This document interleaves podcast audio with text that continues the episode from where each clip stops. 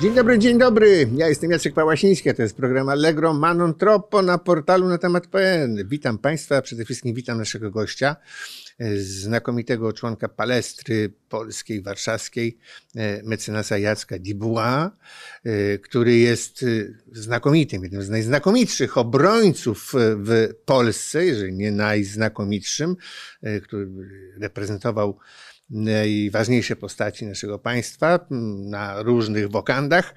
Jest, proszę Państwa, niezwykle płodnym pisarzem, co wzbudza moją żywą zazdrość. Ja się doliczyłem 17 książek, ale zaraz będziemy to weryfikowali, czy to prawdziwe dane. No i jest członkiem e, Trybunału Stanu. Witam pana, panie mecenasie. Dziękuję, że pana, zechciał pan nas zaszczycić. Witam państwa. Ja dziękuję za zaproszenie. Cały zarumieniony po tym wstępie. Tych Chyba 17 książek, książek nie było tyle, ale ja już przestałem liczyć. Ale 17 to jest takich w twardych okładkach. Oprócz tego pan pisze powieści odcinkowe w różnych czasopismach. I, I to mnie wpędziło w jakieś straszne kompleksy, bo ja tych książek też trochę napisałem, ale nie aż tyle co pan i wiem, że to cholernie dużo kosztuje i że jak się pisze książkę, to ja na przykład nie umiem nic specjalnie innego robić, bo tylko albo piszę, albo nie piszę. To jest taka choroba, ona się chyba ADHD nazywa, że po prostu człowiek nie bardzo wie, co zrobić z sobą, ze swoimi myślami, więc ja uznałem, że pisanie to jest po prostu takie trochę próba okiełznanie myśli i włożenie je do odpowiednich szufladek, bo już jak na ten o tych myślach trochę popiszę, to po prostu wyciągam je z głowy. Ta głowa robi się wtedy bardziej pusta, spokojniejsza. Także e, to pisanie to jest troszeczkę taka forma terapii, myślę. A jak pan kiełzna te myśli, że tak się wyrażę, siada przy kąpie i wali jak maszynistka zawodowa tak długo, aż Y, poprawia pan tak choromański po pięć razy każde zdanie? Jak znaczy, to technicznie? U mnie właśnie jest troszeczkę inaczej. To znaczy, ja nie mam takich wielkich dylematów pisarzy y, naszej młodości, którzy godzinami y, czekali na natchnienie, no, układali te słowa, że czasem osiem słów złożone we właściwy sposób to już był sukces dnia. U mnie to jest właśnie bardziej takie terapeutyczne. To znaczy, ja mam taki potok, strumień, wyrzucam z siebie jakieś strumień takie świadomości. przemyślenia no, dnia Joyce. i najgorzej jest potem, bo jak trzeba to zredagować i okazuje się, że ten strumień no, wydawał się być fantastyczny w momencie, jak się go wydobywało z siebie, natomiast jak już się czyta na spokojnie, no to to nieokiełznane myśli trzeba Ale nagrywa pan, pan pisze. Nie, nie, ja na, na, ogół, na ogół piszę, natomiast no czasem jadąc samochodem coś sobie tam e, wymyślam, wtedy zaczynam to nagrywać na dyktafonie, z tego stworzą się zagrożenia dla ruchu drogowego, dlatego stwierdziłem, że jednak w samochodzie wolę słuchać audiobooki, no ale czasem jeszcze powiedzmy, jak tam coś mi się uda wymyśleć, co wydaje mi się w miarę interesujące, to jednak sobie jak gdyby nagrywam to. Natomiast rzeczywiście te strumienie myśli są czasem y, ciekawe, bo mm, ja na przykład mam bardzo aktywne sny. Noce to są dla mnie jakąś niesamowitą przygodą, bo są i przygodą jak gdyby zdarzeń, czyli te sny są bardzo ekspresywne, ale też w nocy dużo wymyślam i często się budzę właśnie tak trzecia, czwarta, ta głowa znowuż mi się zaczyna wypełniać, chcę się tych myśli pozbyć, robię notatki, zasypiam szczęśliwy, że udało mi się to spisać, no i rano zaczyna się tragedia, bo po pierwsze to pismo nie jest takie do końca czytelne, poza tym już w świetle rozsądku poranka trudno zrozumieć, o co w nocy chodziło. Ale czasem tak, się tak. coś udaje. Mój przyjaciel kompozytor też budzi się w nocy, zapisuje nuty i zasypia szczęśliwy, rano się budzi, Boże, co za knot, na miłość boską. A mnie się kiedyś zdarzyło, panie mecenasie, pisać instant booka w Jerozolimie i musiałem go napisać dużego i szybko. No i pisałem, pisałem, potem zasypiałem, ale pisałem dalej. Potrafiłem napisać półtorej, półtorej strony przez sen, kompletnie od czapy znaków. Y, no ale to są bóle pisarza. Y, do pańskiej działalności literacko-wydawniczej y, mam nadzieję wrócimy, zdążymy wrócić nieco później. A teraz chciałem pana zapytać o może mniej radosne tematy, ale zanim zadam panu pierwsze pytanie dotyczące Trybunału Stanu, E, to chcę zapytać, jak bardzo muszę cenzurować moje pytania, ponieważ jest pan e, człowiekiem, jakby to powiedzieć, no, na widoku, a nawet na celowniku. Niektórych kręgów określonych, e, niesłychanych, związanych z władzą, że posłuży się językiem tejże władzy. W związku z tym, jak zadam panu jakieś niewygodne pytanie, pan na nie odpowie, potem pana zaskarżą, e, potem będzie pan miał kłopoty, więc na ile muszę się cenzurować w rozmowie z panem? Ja staram się podchodzić do władzy z otwartym sercem i zawsze szczerze mówić, co o niej myślę. Natomiast oczywiście no, jest to y, zawsze związane z jakimiś reperkusjami, to znaczy o ile 30 lat mojego życia zawodowego przeżyłem w spokoju, tak przez ostatnie 6 lat mniej więcej raz na dwa tygodnie piszę wyjaśnienia do rzecznika dyscyplinarnego, ponieważ zwłaszcza nie wiem dlaczego minister sprawiedliwości mnie nie pokochał i y, co chwila przychodzą jakieś takie donosy mm, na mnie. Ostatnio mam jakąś taką sprawę, która już chyba y, mm, jest na etapie Sądu Najwyższego, że psim obowiązkiem y, prokuratury jest przestrzeganie prawa. Kiedyś powiedziałem coś takiego na konferencji prasowej związanej jeszcze z senatorem Piniorem i y, no, od tego czasu mam postępowanie dyscyplinarne, które przechodzą, znaczy w zasadzie nie mam tych postępowań, bo oczywiście mm, adwokatura uznała, że mówienie o psim obowiązku to nie znaczy, że jest traktowanie kogoś jak psa, tylko jest to nawiązanie no, do pewnych, że tak powiem, wyrażeń, które w naszym języku znalazły swoje miejsce. No niemniej, ponieważ minister sprawiedliwości to wszystko zaskarża, jesteśmy na etapie już chyba kasacji w Sądzie mm, Najwyższym.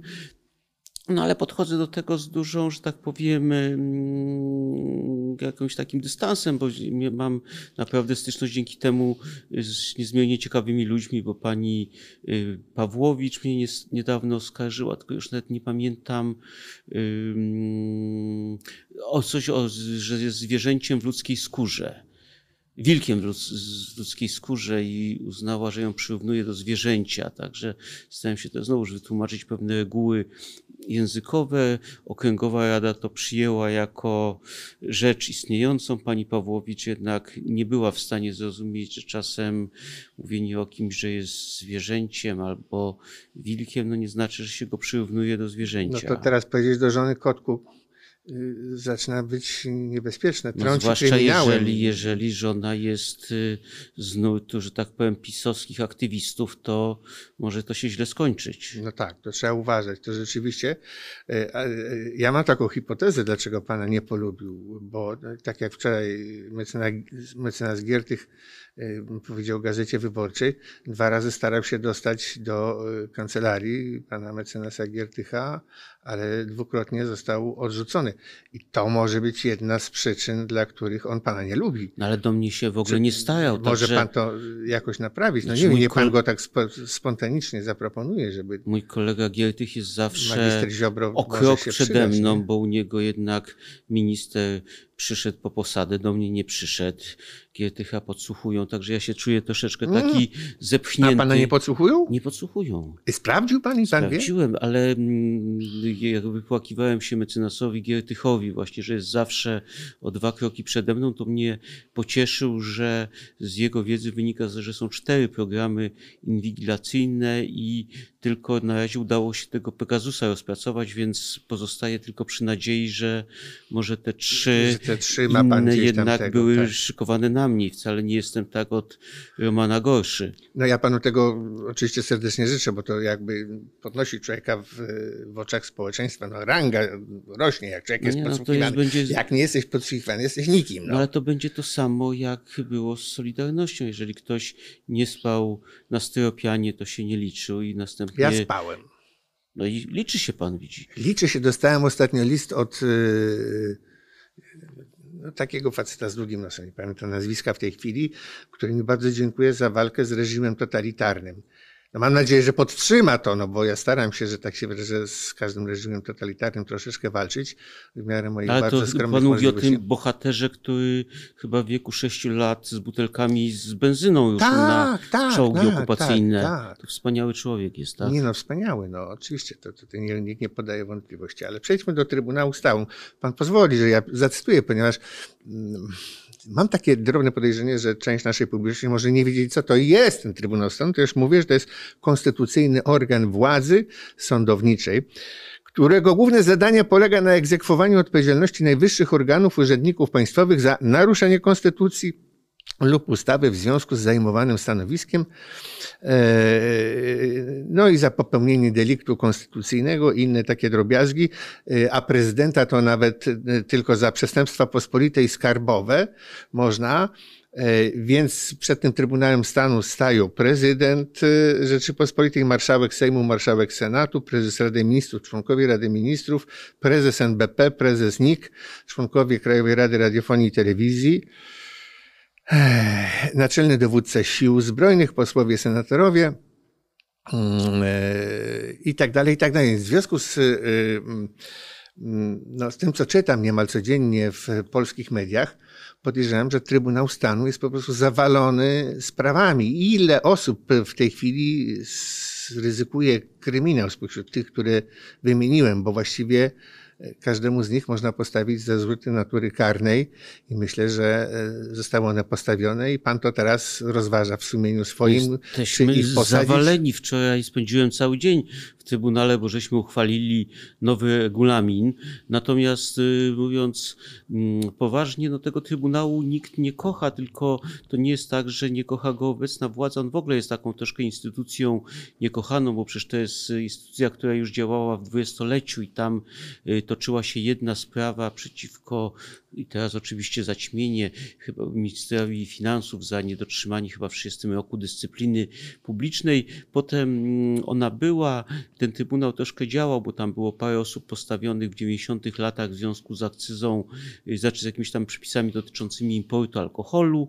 Potem mm, nieszczęsny minister Wąsacz stanął przed tym trybunałem. Natomiast mm, obecnie no nie mamy nikogo, ale y, proszę za to nie obciążać Trybunału, bo y, Trybunał działa na zasadzie skargowości, czyli Trybunał rozpatruje sprawy, które zostaną wniesione, czyli znaczy, niech mnie pan wyjaśni, dlaczego nikt nie wniósł sprawy w sprawie łamania konstytucji przez prezydenta, przez premiera, przez członków Rady Ministrów, i, i, całej reszty tej listy, no, był którą wymieniałem. Dlaczego? Dlaczego? Film sami swoi i wydaje mi się, że jeżeli władze mają sami swoi, to swoich nie będą próbować oskarżyć. Znaczy bardzo y, ułomna jest konstrukcja y, w ogóle ustawy o Trybunale, nad nią są prace. Ja zresztą od dawna się mówiłem, że jak gdyby w tej konstrukcji prawnej to nie ma żadnego sensu, bo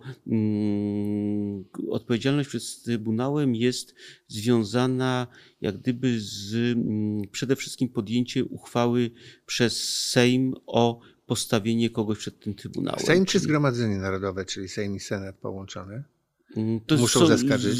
To są różne, że tak powiem, y, mm, w zależności od kogo to dotyczy, bo troszeczkę inny jest typ na przykład prezydenta, który odpowiada tylko przed Trybunałem Stanu, on w ogóle nie odpowiada przed y, sądami y, powszechnymi. Ale istotą jest to, że musi być jak gdyby zgoda parlamentu.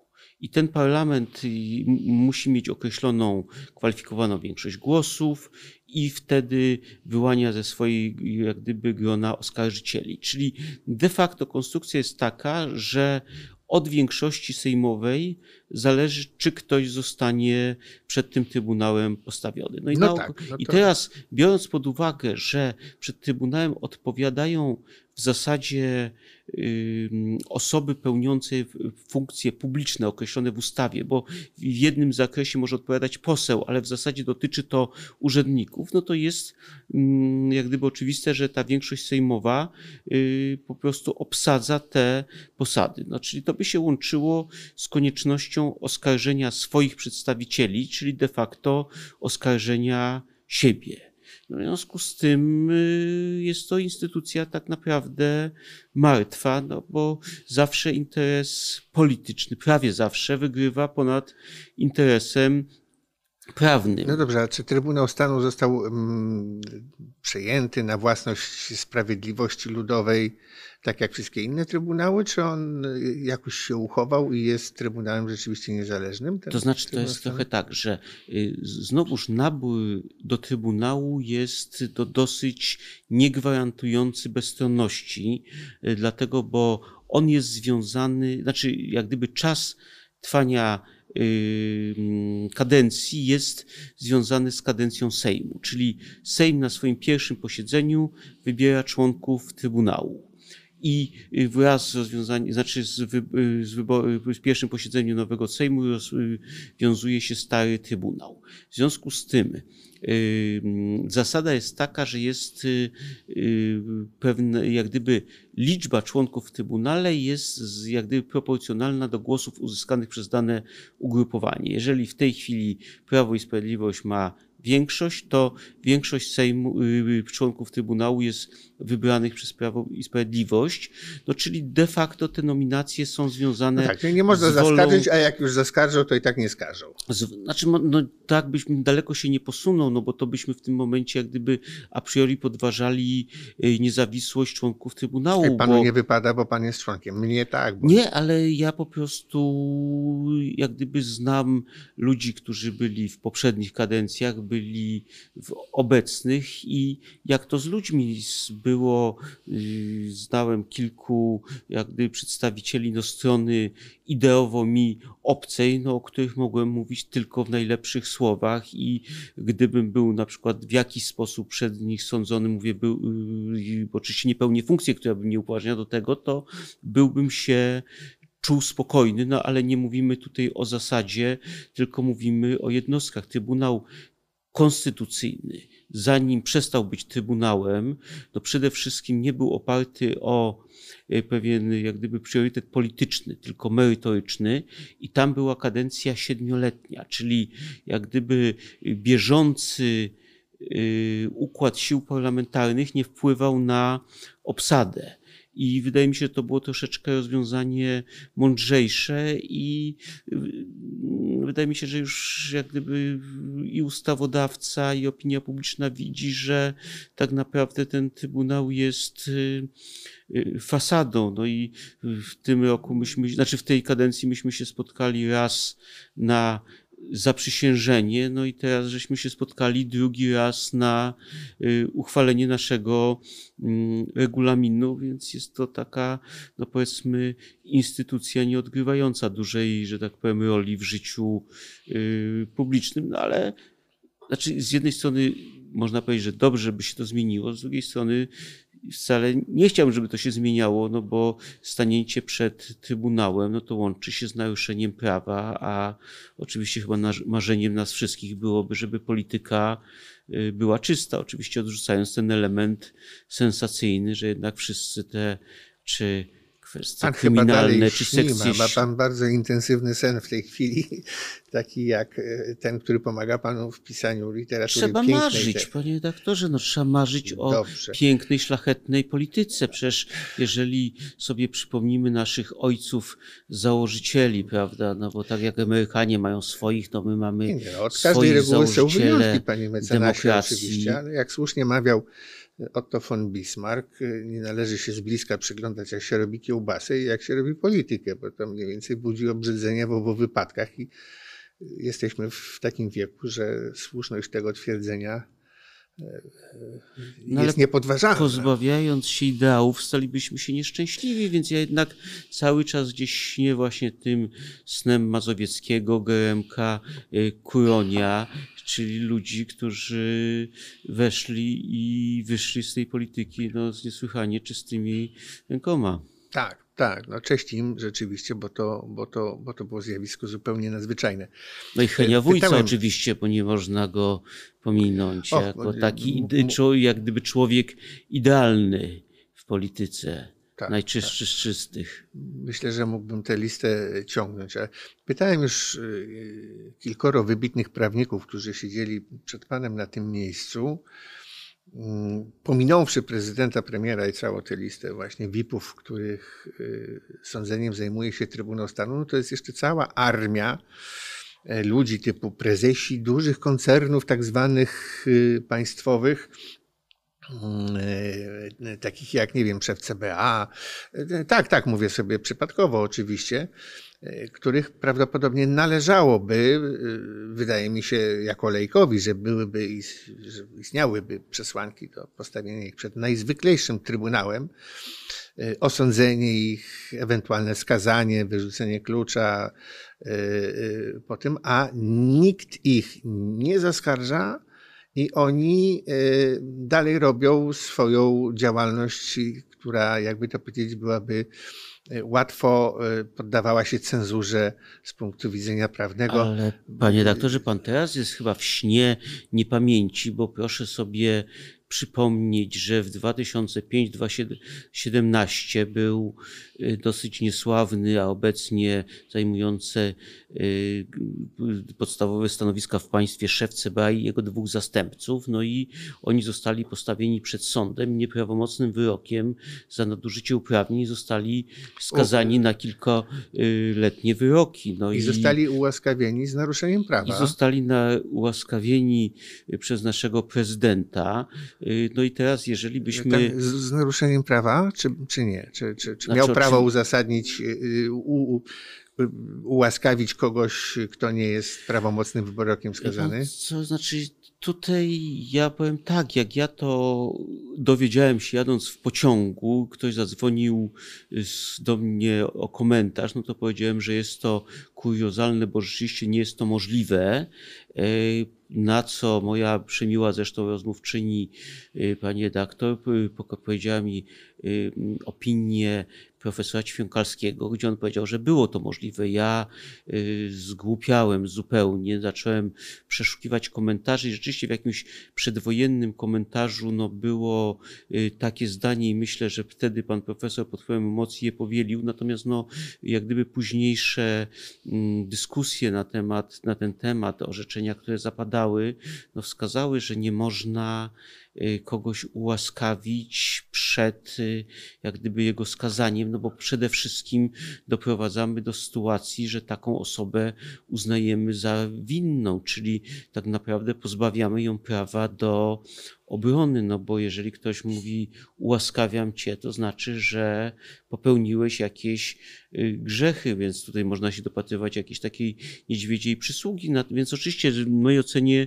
działanie prezydenta było mm, działaniem bezprawnym, no ale proszę zauważyć, że jak gdyby rozmawiając o całej tej obecnej aferze Pegasusa, no. Dojdziemy, i, dojdziemy. Tak, tak, tylko że nie doceniamy w niej udziału prezydenta, bo przecież proszę zobaczyć, że e, te nazwiska wtedy z 2005-2007, e, które zostały konsekwencji nieprawomocnie skazane, no i ta afera się, te nazwiska się gdzieś zaczynają pokrywać, no i jeszcze do, nie doszliśmy chyba właśnie do tego etapu, żebyśmy y, rozmawiali o udziale y, prezydenta, no bo jeżeli mm, doprowadza się swoją bezprawną decyzją do tego, żeby takie y, osoby mogły kierować takimi właśnie resortami powiedzmy szczególnego niebezpieczeństwa, gdzie ta niebezpieczeństwo bezpieczeństwo inwigilacji, naruszanie praw człowieka jest no, dużo wyższe niż w Ministerstwie Górnictwa czy gdzie indziej, no to wydaje mi się, że bierze się za to, mm, co się stało, współodpowiedzialność, więc dziwię się, że jeszcze jak gdyby rola prezydenta w tych zdarzeniach nie została w sposób właściwie no, omówiona. Give time to time. Y, a proszę mi powiedzieć, bo ja, ja się spotkałem z opiniami na całkiem autorytatywnych prawników, którzy mówili, że od dawna, właściwie od co najmniej 2008 roku, y, a może nawet i wcześniej, istniały przesłanki do delegalizacji partii obecnie nam rządzącej. Z kilku paragrafów, czy pan podziela tę opinię, a jeżeli tak, to jakie to są paragrafy? Odbudowa partii narodowo-socjalistycznej, znaczy wchodzimy mm, w sytuację jak gdyby dla mnie trochę niezręczną, bo jestem członkiem Trybunału Stanu. Okay. No i teraz dokonywanie pewnych tego typu systemowo oceny w sposób publiczny no, czyni mnie y, mało y, wiarygodnym jako człowieka, no, który może się zmierzyć z tymi problemami w przestrzeni, y, że tak powiem, y, już sądowej. Natomiast oczywiście to niebezpieczeństwo jest o tyle małe, że tak jak powiedziałem, no praktyka pokazuje, że swoich stawia się przed Trybunałem wtedy, kiedy przestają być już naprawdę swoimi, no więc tak, ale... niebezpieczeństwo jest hipotetyczne, natomiast no, wydaje mi się, że pewne, znaczy staram się przynajmniej mówić o pewnych rzeczach systemowo, nie mówić mm, personalnie. I teraz no, mówimy o zdarzeniach historycznych i mówimy o zdarzeniach obecnych. I teraz y, y, według mnie okres 2005-2007 to jest na pewno y, okres rodzenia się populizmu, okres działalności partii nawiązujących do najgorszych wzorców. Jest taka y, książka takiego holenderskiego politologa, on się chyba Liminen nazywa, Wieczny powrót faszyzmu, która właśnie mówi o tych wszystkich neofaszystowskich działaniach, prawda? On mówi, że de facto no, neofaszyzm jest zdefiniowany, tam pojawiają się pewne wspólne cechy, czyli wódz, czyli nawiązywanie tak, tak, tak. do... Umberto Eco wyliczył 14 punktów klasyfikujących faszyzm i y, jakby to powiedzieć, właśnie y, ta partia wszystkie te 14 punktów wyczerpuje. A poza tym istnieje książka pani Madeleine Albright, który, która się naprawdę na faszyzmie zna i która napisała książkę pod tytułem Faszyzm, która jakby apeluje, żeby nie nazywać su suwerenami, suwerenistami, żeby nie nazywać ich populistami, tylko nazywać ich tak, jak na to no tak, zasługują, tylko jeszcze, faszystami. Tylko jak gdyby samo wykazywanie pewnych cech działania y, faszystowskiego no nie jest karalne, prawda? Czyli budowanie to kodeks karny i konstytucja nie mówią, że nie wolno odbudowywać partii narodowo-socjalistycznych i bolszewickich. Momencik. Y, współczesny neofaszyzm to jest jak gdyby budowanie y, według tych powiedzmy zdefiniowanych cech. No ale nie ma nic zakazanego w budowanie partii w oparciu o wodzostwo, prawda? Bo Y, jest zakaz nawiązywania do te, te, te pewnych treści związanych z neofaszyzmem. Ale to tylko jeden ale, z 14 punktów. No tak, tylko teraz, jeżeli budujemy partię wodzowską, no to nam się jako demokratom może to nie podobać, no ale nie możemy pozbawić ludzi o innych poglądach prawa do konstruowania swojego życia, czy prywatnego, czy politycznego. Jeżeli y, ktoś buduje partię opartą na populizmie, dopóki nie narusza prawa, znowuż ma do tego prawo. My możemy przestrzegać z punktu widzenia znajomości pewnych, że tak powiem, zataczających się kół historii, do czego to prowadzi. Niech pan wybaczy, pan, pan się na tym zna. Ani konstytucja, ani kodeks karny według mojej wiedzy nie definiują populizmu, więc tutaj jest strasznie płynna możliwość oceny, czy coś jest populistyczne, czy nie. No. No tak, tylko ja dążę do tego, że żebyśmy nie doprowadzili do pewnego absurdu i nie mówili, że wszystko, co nam się nie podoba, jest zakazane, prawda? I teraz, jeżeli y, z doświadczeń zeszłego wieku nie akceptujemy partii wodzowskich, to nie możemy tych partii zabronić. Jeżeli razi nas pewna narracja populistyczna, to nie możemy nikomu tej narracji zabronić. W momencie, jeżeli ktoś się odwołuje do symboliki neofaszystowskiej, do haseł neofaszystowskich, to wtedy wchodzi to w obrębę, że, że tak powiem, czynów karalnych. I teraz w mojej ocenie 2005-2007, no to jest rodzenie się pewnego wzorca neofaszystowskiego w sensie jak gdyby sposobu działania, bo oczywiście nie ma tutaj żadnego odniesienia do neofaszyzmu i zresztą to nie jest tylko Polska, prawda? To jest przecież cały wielki problem omawiany przez politologów, tylko to, to było coś nieakceptowanego z jednoczesnym jak gdyby naruszaniem prawa przez poszczególnych funkcjonariuszy. Ja bym nigdy w 2005-2007 nie, nie odważył się mówić o pewnego rodzaju zorganizowanej grupie mającej na celu naruszanie prawa. Y, natomiast od 2005 możemy mówić o pewnym systemowym działaniu, które jak gdyby przejawia się w kilku y, kierunkach, czyli przede wszystkim y, w przekraczaniu uprawnień przez funkcjonariuszy w mm, działaniach związanych z niegospodarnością, działaniem związanym z niszczeniem organizacji y, mm, wymiaru sprawiedliwości. I tutaj możemy mówić o pewnym działaniu zorganizowanym, działaniu systemowym i ja tak się złapałem na to, na tym, że tak mniej więcej raz w miesiącu no, piszę mm, jakiś artykuł, czy do Gazety Wyborczej, czy do Rzeczpospolitej, czy gdziekolwiek indziej, jak gdyby no, wskazując wprost, że w mojej ocenie doszło do mm, naruszenia konkretnych przepisów prawa przez y, osoby pełniące no, wysokie funkcje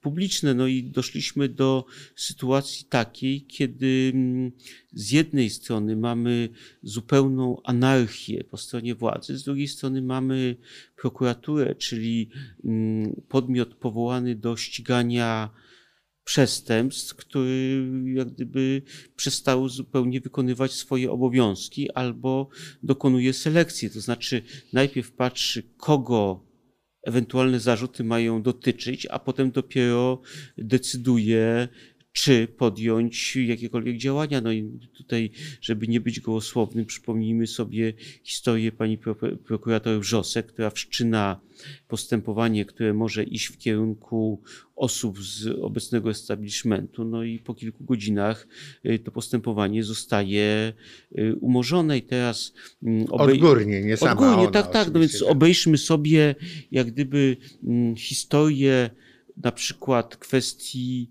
y, oświadczeń majątkowych, prawda? Z jednej strony mamy polityków opozycji, gdzie y, wytacza się działa i po prostu wielo miesięczne, y, wieloletnia praca y, całego sztabu ludzi, żeby znaleźć rozbieżność kilku tysięcy złotych w oświadczeniu.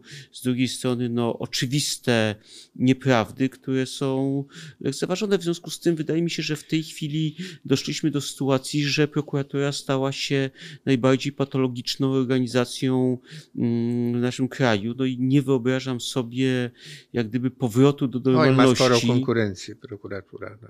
No tak, ale wydaje mi się, że jednak y, ma palmę y, pierwszeństwa i y, no wydaje mi się, że policja jest Straż graniczna? Jed...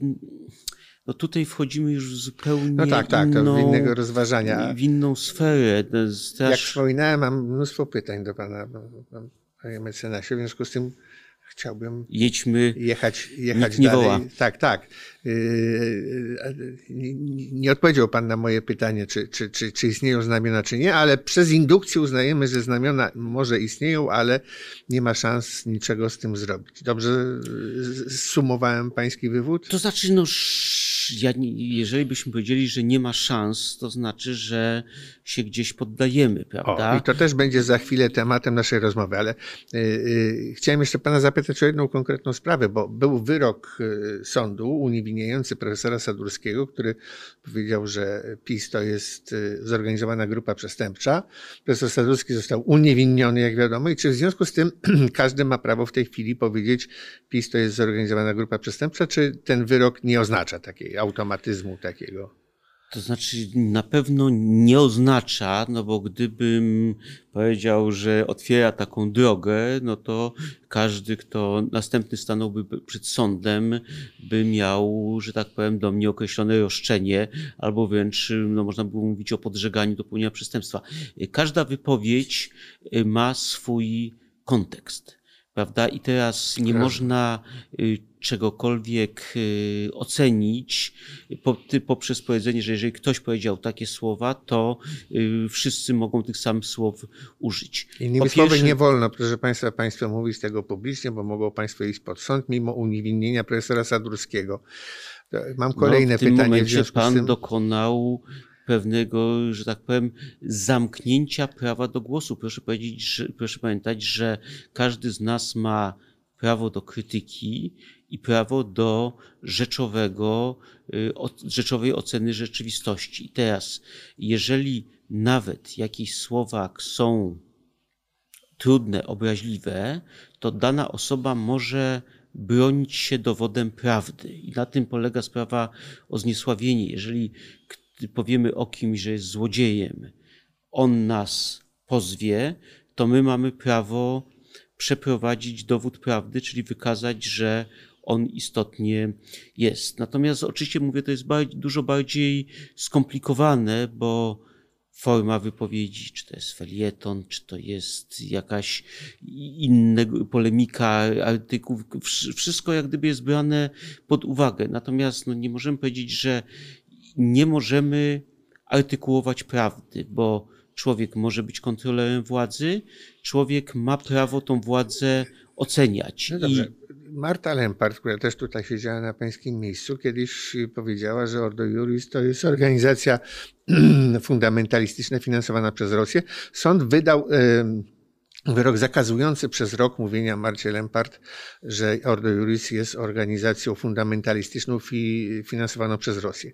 E, czy to implikuje, że cała reszta społeczeństwa może mówić, zwłaszcza w kontekście dowodów przedstawionych w znanym eseju długim e, pani Suchanek, e, Słuchanow. Słuchanow, przepraszam, oczywiście, która przytacza dowody na to, że Ordo Juris jest finansowana przez Rosję a że jest organizacją fundamentalistyczną, to chyba nie trzeba tego udowadniać. To jest pytanie, z którym sąd się mierzy nie tylko przy pani Lempart, bo y, powiedzmy pewne nawiązanie do sekty wygłosił mm, Radosław Sikorski też, którego mam zaszczyt reprezentować w sporze z Ordo Juris, którego pozwało i mam nadzieję, że mm, wykażemy, że on był do tego w jakiś sposób y, uprawniony. Natomiast proszę pamiętać o dwóch rzeczach. Pierwsze to jest taka forma obrony poprzez zasypywanie pozwami każdego. Na przykład jakimś takim przedstawicielem tego był pan prezes Obajtek, który y, jak gdyby, y, kiedy wyszły na te wszystkie kwestie związane z prowadzeniem działalności gospodarczej, z nieruchomościami, no w odpowiedzi na dość krytyczne uwagi y, zasypał po prostu wszystkich krytyków mm, aktami oskarżenia bądź ochroną dóbr osobistych. I teraz jak gdyby mm, organizacje zajmujące się badaniem wolności badają to y, zjawisko i na pierwszym miejscu jest Ordo Juris właśnie w tej metodzie działania, czyli oni przyjmują prostą zasadę. Jeżeli o nas mówisz źle, to cię pozwę. No i w związku z tym, jeżeli ktoś stara się mówić źle o Ordo Juris, natychmiast no, musi liczyć się mm, z pozwem.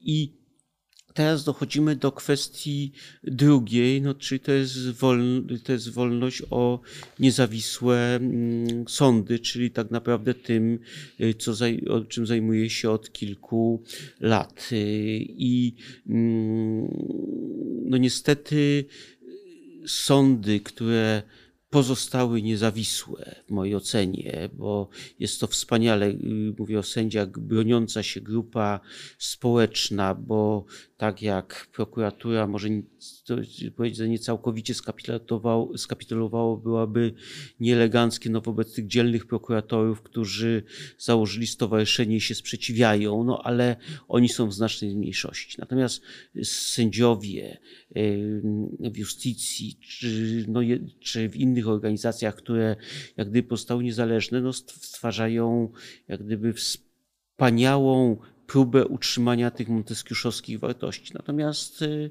nazwijmy to, y, udało się jakąś ten y, stopień sądów, prawda, jednak pozbawić tego, tej dozy niezawisłości, niezależności, jak Izba Dyscyplinarna. No i teraz... O właśnie, przepraszam, mhm. proszę mi pozwolić. Dosłownie kilka dni temu wyborcy napisał, że żołnierze Ziobry idą po nielegalną Izbę Dyscyplinarną. Czyli Izba jest niezbyt wydajna, zdaniem prawdopodobnie czy ministra Ziobry, czy, czy, czy, czy jego przełożonych z koalicji.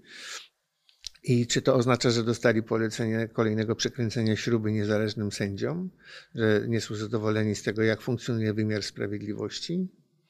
Znaczy, ja nie wiem, jakie oni dostali polecenie, no i my wychodzimy z prostej, że tak powiem, definicji, że Izba po pierwsze nie jest sądem, a osoby tam zasiadające nie są sędziami, no tylko mężczyznami, kobietami y, przebranymi w togi. Zresztą no, ja tam dość często występuję i muszę dokonać dużej pracy intelektualnej, bo y, jednak występując w todze w budynku sądu przez 30 parę lat pracy nauczyłem się używać sformułowania Wysoki Sądzie. No i teraz y, w Izbie Dyscyplinarnej no mogę określić drodzy panie, drodzy panowie, natomiast no, czasem mi się gdzieś wymsknie i pamiętam jak na sprawie sędziego Tulei bardzo przepraszałem mężczyznę ubranego w togę, że zupełnie przez przypadek, przez przejęzyczenie użyłem wobec niego sformułowanie sędzia. Więc takie mamy swoje troszkę intelektualne mm, przygody wobec tych wszystkich neoorganizacji. Natomiast y, mm, jak gdyby no istotą jest to, że mm, doszło do sytuacji prawniczo obrzydliwej, że my idąc, że jak sześć lat temu szedłem do sądu, to w ogóle nie patrzyłem do kogo, kto będzie sądził, prawda? Bo wychodziłem z założenia, że staję przed niezawisłym sądem że ci ludzie, jedni mogą być lepiej przygotowani, drudzy mniej, jedni mogą być bardziej bystrzy, drudzy mniej, ale wszyscy są niezawisłymi sędziami, którzy biorą pod uwagę stan faktyczny i prawo. Obecnie, jak ja idę do sądu, to pierwsza rzecz to patrzę, czy ktoś jest sędzią z tego nowego KRS-u, czy jest sędzią starym, czyli spełniającym te wszystkie wymogi niezależności i mm, po prostu no, czasem y, orzeczenia, które zapadają, no, zaczynamy traktować w kategoriach właśnie nie prawnych, tylko politycznych i to jest y, przerażające. Ja pamiętam, że no, kilka miałem takich wyroków, że przecierałem oczy ze zdziwienia i dopiero patrząc na osobę stojącą po drugiej stronie, czy to był premier, czy to był obecnej władzy, czy ktoś inny, no dopiero byłem w stanie zrozumieć, jakimi tropami szły y, myśli składu orzekającego. No i to jest y, niestety strasznie mm, przykre, no przynajmniej dla mnie, bo dla mnie ten sąd był domem, miejscem pracy, prawda? No i zawsze tam chodziłem z taki naładowany dobrymi emocjami, że przed niezawisłym sądem będę mógł y, przeprowadzić jakiś tok myślowy, który zostanie w sposób y, właściwy, że tak powiem, wyważony, oceniony. Ja w tej chwili, jak widzę, że mam sędziego z, powiedzmy z rozdania politycznego, no już nie mam takiego przekonania, że ja po prostu zostanę oceniony z punktu widzenia prawa, bo być może polityka tutaj stanie się. I co pan silniejsza. wtedy robi? Co pan wtedy robi? Widzi pan, sędzia jest taki, a taki. Nie będziemy wymieniali nazwisk, żeby nie popaść w, e, w konflikt prawda, z prawem, żeby nie ryzykować. Y, ale y, z góry pan wie. Nie, nie, nigdy nie wiem z góry, dlatego, bo. Nigdy? Nie, nigdy nie wiem z góry, bo gdybym powiedział, że wiem z góry, y, to znaczy bym przekreślił jakikolwiek sens mojej no właśnie. pracy. O to, I teraz, o to chciałem dopóki zapytać, czy walczę, sens... jest szansa i muszę powiedzieć, że kiedyś było tak w sprawie pana sędziego właśnie Gora Tulei, gdzie chodziło o wyrażenie zgody na jego zatrzymanie, doprowadzenie, doprowadzenie. Tak. Stanęliśmy wraz z kolegami przed y, Izbą Dyscyplinarną, przed y, człowiekiem, no powiedzmy, dosyć przez demokratyczną pracę ocenianym w sposób krytyczny. No i dziennikarze pytali, po co tam idę. No ja mówiłem, że adwokat musi bronić wszędzie. Jeżeli ma bronić w piekle, zejdzie do piekła i zszedłem jak gdyby do piekła, y, żeby no, powiedzieć, że walczyliśmy do końca.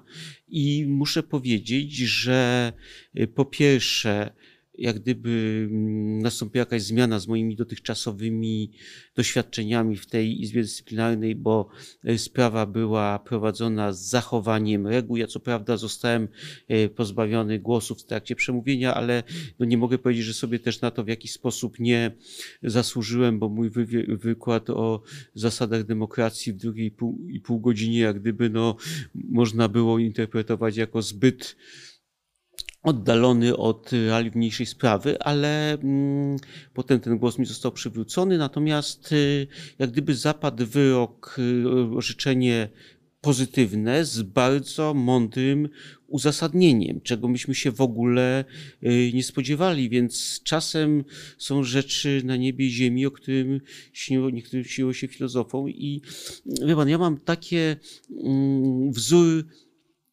jakiś zawodowy, literacki, znaczy mam tych wzorów dużo, ale jest y, taką, taka książka Zabić Drozda, prawda, którą pewnie wszyscy kochamy, no i tam jest ten adwokat filmowy, chyba Gregory Peck, prawda, bo tam była świetna ekranizacja, no i on broni w sprawie czarnoskórego mężczyzny oskarżonego na, o gwałt na białej kobiecie, sądzonego przez białą ławę przysięgłych. 30 lata południe Stanów Zjednoczonych, no więc jest y, jak gdyby oczywiste, że jest dogmat prawdomówności białego, czyli w momencie, jeżeli biały pomawia, no to nikt nie da wiarę czarnoskóremu. No i ten y, biały adwokat podejmuje się obrony tego czarnoskórego. On broni świetnie, wygłasza fantastyczne przemówienie. Oczywiście przegrywa, wychodzi z gmachu sądu, tam jest, żegnają go na stojąco ci y, czarnoskóra publiczność, która była mm, jak gdyby widzami. No i teraz dlaczego to mówię? Bo są sprawy, gdzie idziemy po to, żeby przegrać, ale po pierwsze dajemy po prostu no, mm, jakąś nadzieję, dajemy dowód prawdy, a poza tym no, w ten sposób gdzieś zmieniamy rzeczywistość, bo proszę sobie, po, on, ten bohater to jest Antikus, prawda, ten, y, on się Antikus nazywał, y, zabić Drozda. Gdyby nikt się takich spraw nie podjął, gdyby nie było wygłoszonych takich 100, 200 przemówień, które były skazane na niepowodzenie, ale były wielkimi mowami obrończymi, no to proszę zadać pytanie, czy 30 mm, lat później by został zniesiony apartheid, prawda? No i teraz nawet jeżeli przeczuwamy, że przegramy, no to jeżeli byśmy nie dawali głosu prawdy, gdybyśmy nie manifestowali przed tą Izbą Dyscyplinarną, która nie jest sądem, no to w tym momencie jak gdyby to by się działo bez jakiegokolwiek oporu, więc y, y, przynajmniej przy, co do adwokata jest y, jakiś obowiązek sprzeciwiania się bezprawiu. No i nawet jeżeli idziemy do ludzi, którzy, znaczy czyjś los jest w rękach ludzi, którzy są niegodni noszenia tuk, którzy nie są sędziami i tak dalej, no trzeba przed nimi stanąć i trzeba krzyczeć. No każda kropla po prostu gdzieś drąży skałę. Wygłosił pan wspaniałe przemówienie w obronie i pańskiego zawodu, w obronie demokracji, w obronie sprawiedliwości, w obronie prawa. E, dziękuję za nie i chapeau. E, ale zadałem, chciałem panu zadać takie pytanie, jakie zadałem już sędziemu Tulei, który tu siedział. Kto poniesie odpowiedzialność za funkcjonowanie tej nielegalnej izby dyscyplinarnej? I jaka to będzie odpowiedzialność? Pogrożenie palcem, grzywna, więzienie? Mm. To, znaczy, no, to jest znowu, nielegalna. Znowuż wchodzimy w bardzo trudne no tak, tak. zagadnienia, bo po Ale... pierwsze jest domniemanie niewinności, po drugie nie wydajmy, wy, nie wydajmy wyroków, dopóki sprawa się toczy, a tu jeszcze nie toczyła się sprawa. Więc... Europejski Trybunał Praw Człowieka wyrok wydał yy, i możemy się nim posiłkować. Co do nielegalności funkcjonowania tej izby chyba nie może być wątpliwości.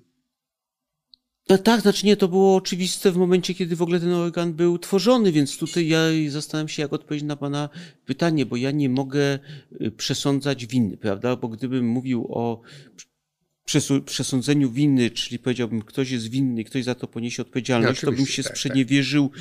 tym zasadom, które jestem orędownikiem, a nie może być tak, że pewne zasady naruszamy, kiedy jest nam wygodne. Natomiast jeżeli byśmy prze, wyroku... przeanalizowali, no to wydaje mi się, że od początku było wiadomo, że ta izba działa w sposób jak gdyby niewłaściwy. I teraz mamy najpierw kwestię w ogóle powołania tego, czyli moment ustawodawczy. No i tutaj mamy problem, dlatego, bo nie ma odpowiedzialności, nazwijmy to, zbiorowej y, posłów za głosowanie. No chyba, żeby ktoś postawił tezę, że była to zorganizowana grupa mająca, no, działająca wspólnie w porozumieniu w celu naruszenia prawa, no ale myślę, że jednak mm, konstrukcyjnie byłoby to jak gdyby dosyć... Ale teoretycznie to jest możliwe, no, tak? Teoretycznie... Że powiedzmy sobie nastąpi cud, z nieba zejdzie anioł i w Polsce nastanie demokracja, to no tak, tylko e, proszę, ci, którzy głosowali, no tak, tylko proszę dzisiaj są posłami, mogą ponieść odpowiedzialność karną za swoje głosowania? Będzie to bardzo trudne, dlatego, bo jak gdyby no, nie można szukać bezpośredniej, znaczy bardzo trudno będzie dowieść akt głosu z aktem naruszenia prawa. Natomiast jak gdyby już wchodzimy w sferę na Jeśli przykład... się odnajdzie dokument, prawda, ten przekaz dnia, ten, tak to się bodaj nazywa instrukcja, instrukcję z, z Nowogrodzkiej do posłów. Znajdziemy taki przekaz dnia, macie głosować tak, a tak. Czy to nie będzie wystarczającym dowodem? No to, y, to może być dowodem dla sprawca, sprawstwa polecającego, dla tych, którzy ten przekaz dali, prawda? Czyli jeżeli ktoś nakłaniał, podżegał do zachowań bezprawnych, no to w tym momencie on może odpowiadać. No ale trudno powiedzieć, że każdy z osób, prawda, głosujących była członkiem pewnej grupy, która ma na celu naruszać prawo, prawda. Niektórzy działali według własnego przekonania, sumienia, mm, dobrej wiary. No to jest troszeczkę bardziej skomplikowane, natomiast wydaje mi się, że jak gdyby mm, już Krajowa Rada Sądownicza, która nominuje do tej izby, może, że tak powiem, być pod lupą prokuratora przyjęcie. Jaka jej grozi odpowiedzialność? Przekroczenie uprawnień. I jakie z tego powodu mogą być kary? No, jakie mogą być kary, w zależności od tego, jaki był motyw. To jest przestępstwo do trzech lat, ale jeżeli ono jest w celu osiągnięcia korzyści majątkowej albo osobistej, może być do dziesięciu. Y, teraz mamy do czynienia z I samymi... członkowie KRS mają świadomość tego, że Pan, Może nadejść dzień, w którym znaczy, zostaną skazani myślę, na 3 do 10 nie mają, Znaczy mają świadomość przepisów prawa, natomiast y, wydaje mi się, że nieszczęście, które miało miejsce i po 2005 roku i zresztą wielokrotnie y, w innych sytuacjach, czyli tak, no, niepociąganie polityków do odpowiedzialności, tworzenie, że tak powiem, no, pewnego świętych krów, nazwijmy to, gatunku, no, wyrobiło takie przekonanie, że y, żadna władza nie będzie miała tyle determinacji, tyle chęci, żeby nas za te działania rozliczyć. Czy no, może... Zwłaszcza, że są precedensy. No przecież było głosowanie nad skierowaniem sprawy pana Zbigniewa Ziobry do Trybunału Stanu i posłowie. Yy, tak, znaczy no wszystko jest na własną prośbę. To znaczy, to, co się stało, jest padła. rzeczą absolutnie zawinioną przez opozycję. To, że opozycja nie potrafiła z punktu widzenia prawnego że tak powiem, doprowadzić do odpowiedzialności za zdarzenia 2005 i 2007 to jest jej wina. To, że nie była w stanie stawić się w komplecie y, na głosowaniu w sprawie Trybunału Stanu jest jej wina, więc to jest tak, że na ogół to jest coś za coś, prawda? To nie jest tak, że nagle... Właśnie, pan podejrzewa, że tam było coś za coś, że nie stawili się dlatego, że... Nie, nie, ja mówię coś za coś w sensie, że pewne zdarzenia wynikają z pewnych zaniedbań. Przecież to, że że nagle. Znaczy, nie podejrzewa pan, że tam był jakiś interes, że jeżeli No się oczywiście, że podejrz- przeciwko Ziobrze, to um, Znaczy, nie, papiery na was że podejrzewam, ponieważ no, y, tak jak pan mówił o pewnym, że tak powiem, y, sformułowaniu Bismarcka o zbliżeniu się do polityki, tak, no nie jestem dzieckiem i wiem, że polityka cuchnie i dlatego trzymam się od niej y, z daleka. Natomiast ja jak gdyby no nie mam żadnej wiedzy mówiącej poza jakimiś plotkami, mówiącej o tym, że został powiedzmy zawarty tam jakiś układ. Natomiast wydaje mi się, że jak gdyby to, co się dzieje, czyli y, naruszanie prawa w sposób ostentacyjny, w sposób no taki, powiedziałbym, chuligański, dlatego, bo na oczach nawet nie w sposób ukryty, w sposób wyzywający, no jest jak gdyby właśnie powodem pokazania y, zupełnej indolencji państwa y, w rozliczaniu tego typu zachowań. Czyli ja jestem głęboko przekonany, że gdyby pan zaprosił członka KRS-u, nalał mu litr wódki i doprowadził do pewnej szczerości wypowiedzi, on by powiedział, no kochany, no oczywiście, żeśmy narozrabiali jak pijane zające, ale nam mogą naskoczyć, bo nam nikt nie zrobi, a co żeśmy zaszaleli, to nasze. No i wydaje mi się, że to jest mniej więcej... I To przecież- bardzo smutne, co pan mówi. Tak. no jest bardzo smutne, dlatego y, gdzieś wydaje mi się, że doszło do pewnego przelania czary goryczy. Przecież proszę zobaczyć, I z tego przelania coś wyniki? no, wydaje mi się, że niech pan zobaczy, że przynajmniej w tej branży wymiaru sprawiedliwości powstał olbrzymi opór y, społecznościowy. Olbrzymi? No, ol- olbrzymi opór, ja mówię branżowej. Proszę wziąć pod uwagę, że sędziowie są bardzo specyficznymi ludźmi. To są ludzie, którzy są gdzieś no, troszeczkę zamknięci w swoich gabinetach, nie występujących na wiecach, nie występujący publicznie. No, to są ludzie, którzy mają bardzo duże ograniczenia, jak gdyby z punktu widzenia zasad etyki. I nagle, jeżeli ci ludzie potrafili się tak zorganizować poprzez justycję, poprzez przez temis, jeżeli ci ludzie organizują wiece, jeżeli ci ludzie występują w obronie swoich kolegach, w marszach, jeżeli to jest tak naprawdę w tej chwili najbardziej aktywnie protestująca grupa, no to mówimy o nieprawdopodobnym oporze. Niech pan znajdzie Tak, tak, sytuację, zgadzam, to jest punkt Niech pan znajdzie dla- sytuację, gdzie y, w prokuraturze, czyli hierarchicznej y, jednostce, gdzie sankcje, gdzie odwetowość jest olbrzymia, tworzy się stowarzyszenie prokuratorów, nawet jeżeli ona liczy tam 100 iluś członków, która jak gdyby no, pokazuje całość patologii tej instytucji. Więc, Więc teraz ci żołnierze Ziobry, którzy idą do Izby Dyscyplinarnej, idą tam po to, żeby zlikwidować tę organizację prokuratorską, żeby rozbić organizacje sędziowskie? No to na pewno przecież Izba Dyscyplinarna, no mia...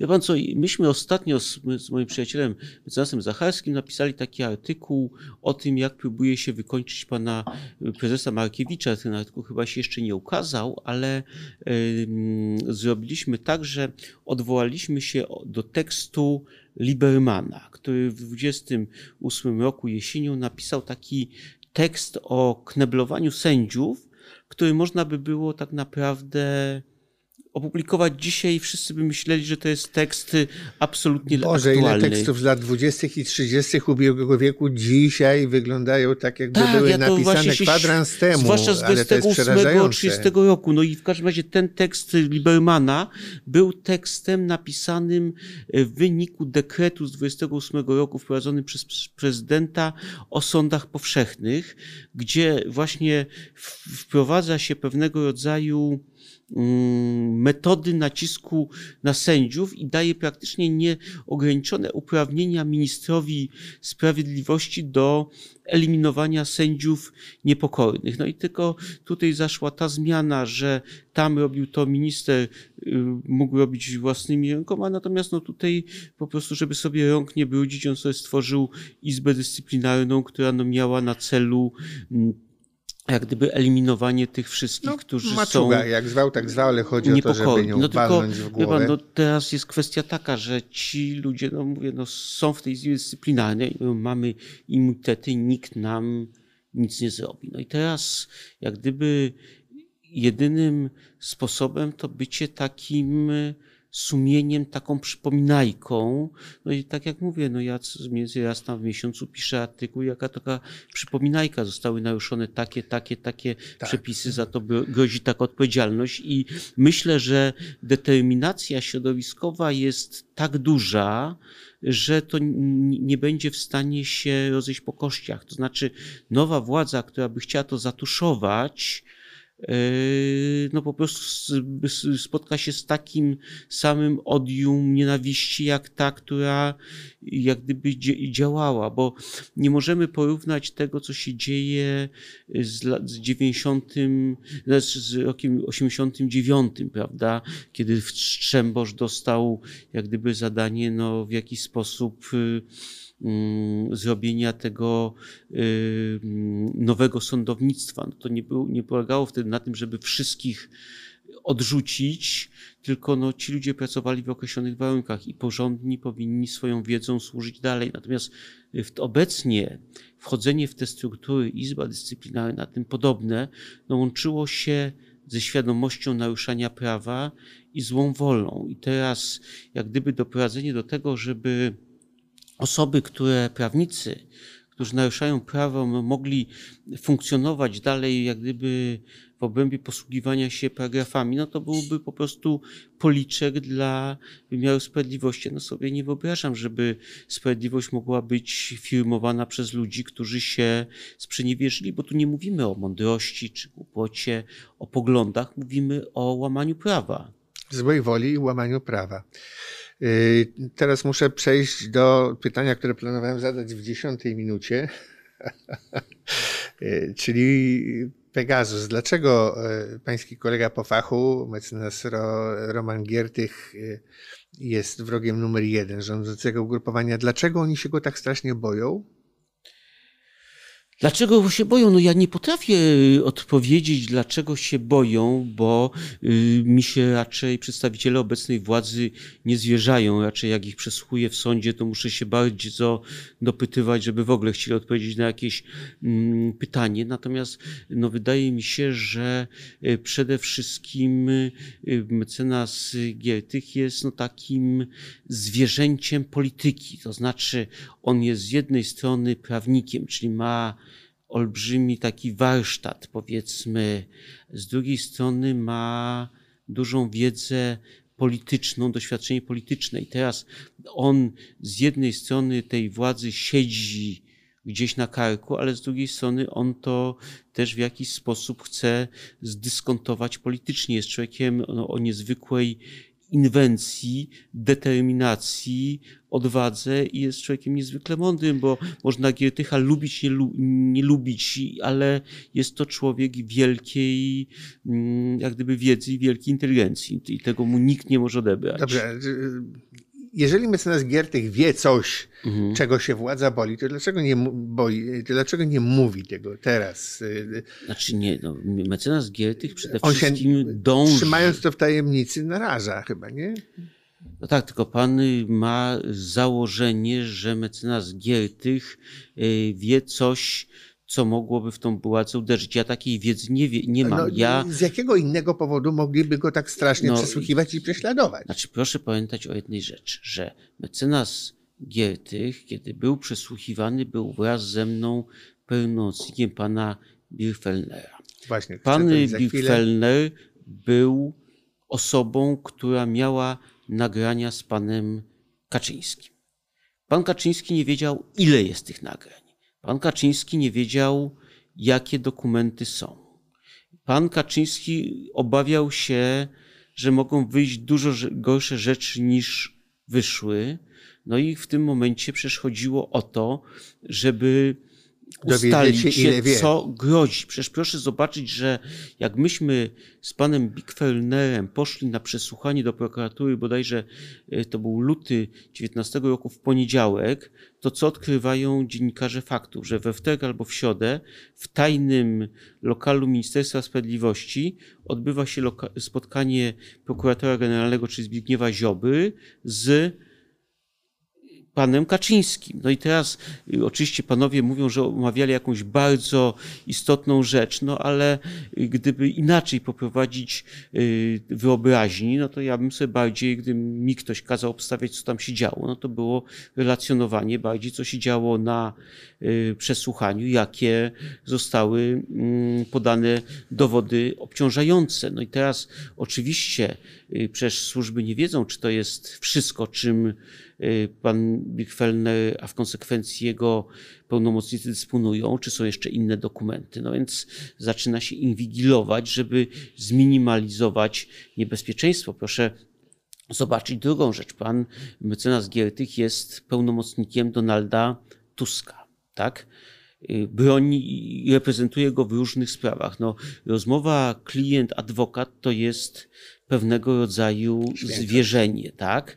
No i teraz to jest tak, jakby, przepraszam, no ale ta cała grupa weszła do konfesjonału, gdzie chodzi pan premier Tusk, rozsiadła się w tym konfesjonale, no i czekała, co on powie, żeby to wykorzystać przeciwko niemu. No więc to było najbardziej perfidne działanie z możliwych, czyli próba dotarcia do spowiedzi, bo rozmowa klienta z adwokatą tym jest spowiedzią, próba dotarcia do spowiedzi, żeby to zdyskontować publicznie, politycznie. No, obrzydliwe, niegodne postępowanie. No i teraz z racji tego, że pan Giertych jest adwokatem dobrym, skutecznym, no do niego zgłaszają się określone osoby. Tak jak teraz, prawda, składaliśmy wniosek do Hagi, prawda, o mm, ściganie y, Właśnie, za jest naruszenie dalszy ciąg? Nie, Nie, no, ale to, to- to- 18 czy 21 grudnia Nie, nie, no to jest za tak? wcześnie, to tak, w tak. tych, tych kategoriach to przecież to są Lata, miesiące, lata, miesiące, więc oczywiście jeszcze nic nie ma, tylko chodzi o to, że pan mecenas Giertych był w centrum wydarzeń i był beneficjentem bardzo dużej wiedzy. I teraz pan mówi, dobrze, pan dlaczego, jeżeli on tą wiedzę ma, to się nią nie podzielił. Tylko proszę zapamiętać, że my jesteśmy adwokatami. 90% tego, co ja wiem, to jest wiedza, która pochodzi od moich klientów. I tu jest bezwzględny zakaz, jak gdyby, wyzbywania się tej wiedzy. Czyli jeżeli by do mnie przyszedł, nie wiem, e, sekretarz pana premiera i powiedział, że mam dowody, że pan premier sprzeniewierzył jakąś sumę pieniędzy, albo że molestował sekretarkę, albo cokolwiek innego, mimo że ta wiedza jest z punktu widzenia państwa porażająca, nie mam prawa jej zdradzić. Dopóki Rozumiem. wolą klienta nie będzie jak gdyby podjęcie w tym zakresie jakichś działań na forum publicznym, to jest tylko, to jest tylko dla nas. Tą wiedzą jak gdyby nie możemy się zwierzyć żonie, zwierzęciu domowemu nikomu. Także, mm, także natomiast jak gdyby jest to pewnego rodzaju dynamit, no bo jeżeli na przykład nam przychodzi do nas klient i mówi, byłem podsekretarzem stanu, na przykład w ministerstwie takim. Udało mi się wydostać takie i takie dokumenty, nimi dysponuję. Ja oczywiście nie jestem samobójcą, żeby ich, ich teraz użyć, bo oni mnie gdzieś tam za grzebią żywcem, no ale jeżeli zostanę zaatakowany, to będę się bronił nimi, więc chcę, żeby pan mecenas o ich istnieniu wiedział, tak? No i teraz ja mam wiedzę, która jest dynamitem, tej wiedzy w żaden sposób nie mogę użyć. No ale teraz służby, przedstawiciele partii, no mówią, kurczę, co jest, co nam zagraża, prawda? Jaki jest, y, jakie są potencjalne niebezpieczeństwa? No i słuchanie takich osób jak Giertych, jak pani prokurator Wrzosek, która przecież z racji prowadzenia to ja jestem tutaj bardziej, mniej w polityce, prawda, więc y, ja jest, właśnie dlaczego ja zaznaczyłem, że mecenas Giertych jest zwierzęciem politycznym. Ja w ogóle nie jestem Niech zwierzęciem. Zwierzęcem uważa, bo to. Tak, ale to bym sam siebie pozwał to No i od siebie dostał, od siebie samego odszkodowanie dostał. Natomiast ja jestem pomysł. gdzieś takim bardziej zwierzęciem, rzeczywiście prawnikiem. Ja nie jestem politykiem, tylko prawnikiem. I ja się wkurzyłem, jak mi zaczęto po prostu rujnować zakład pracy, czyli no dla mnie, no, a poza tym no gdzieś tam właśnie mm, lubię, żeby świat się funkcjonował według jakichś zasad, reguł, że tak się czuję spokojniejszy, że jak idę do sądu, to mam bezstronnego sędziego, prawda? Jeżeli idę do, y, jeżeli władza decyduje, to władza decyduje według jakichś kryteriów, prawda, demokratycznych, a nie innych, więc y, jak gdyby mój udział w tym wszystkim nie jest udziałem polityka, tylko jest udział obywatela. Y, Pozwoli pan, że zapytam z racji na panów y, znajomość y, długoletnią. No te 15 czy 18 lat temu mecenas Giertych uchodził raczej za symbol no, takiego prawicowego fundamentalizmu. Y, Na ile prawdziwa jest jego przemiana, że dzisiaj się go postrzega jako y, taki barbakan demokracji? Jaki... Pan mi nałożył, że tak powiem, wieloletnią przyjaźń, która nie jest y, rzeczywista. Znajomość Nie, nie, powiedziałem. myśmy się z mecenasem Giertychem poznali w XIX roku. To nie jest absolutnie, myśmy się jak gdyby zetknęli przy pewnej sprawie, to znaczy myśmy oczywiście wiedzieli, kim jesteśmy, żeśmy się spotykali przy, z jakichś tam wydarzeń, powiedzmy, samorządowych, no ale powiedzmy m, ta postać mecenasa Giertycha y, z 5-7 roku była, y, że tak powiem, daleko mi obca i odległa i y, jak gdyby no, wnuk socjalisty y, z Endekiem no, nie mieli jakichś wielu punktów wspólnych. Myśmy się gdzieś spotkali przy y, właśnie zawodowo w 19 roku i y, ta, no, ta No, zawod... ale często występujecie teraz w tandemie. Tak, wystąpiliśmy, bo przede wszystkim, bo jak gdyby nie ukrywam, że przełożyło się na to dużą sympatię. Ja lubię ludzi twórczych, lubię ludzi mądrych i jak gdyby taką osobą jest y, Roman Giertych i... i Ale wspominał Pan o jego ambicjach politycznych. Czy te ambicje polityczne mm, y, to po pierwsze nie jest chęć zemsty na Kaczyńskim, który wykończył jego ugrupowanie, a po drugie, czy on któregoś dnia nie wróci do budowania nowego ugrupowania skrajnie prawicowo-fundamentalistycznego, pańskim zdaniem? Znaczy, y, wydaje mi się, że pan mecenas Giertych ma bardzo jasne poglądy oparte na pewnym, że tak powiem, myśli związanej z prawicą, która nie jest moją myślą, ale którą potrafię szanować. Natomiast wydaje mi się, że jak gdyby mm, nawet jego życiowe doświadczenia pokazały mu pewne wartości dem demokracji, niebezpieczeństwie państwa autorytarnego, więc no, na pewno nie jest to z punktu widzenia polityki moja postać, bo jest to no, gdzieś bardzo przesunięta na prawo chadecja przy moich no, takich liberalno-lewicowych poglądach, no ale przede wszystkim ja uważam to, co jest główną myślą Hegla, prawda, że y, przeciwieństwa są i spór jest tym, co doprowadza do rozwoju, prawda. No i teraz jak gdyby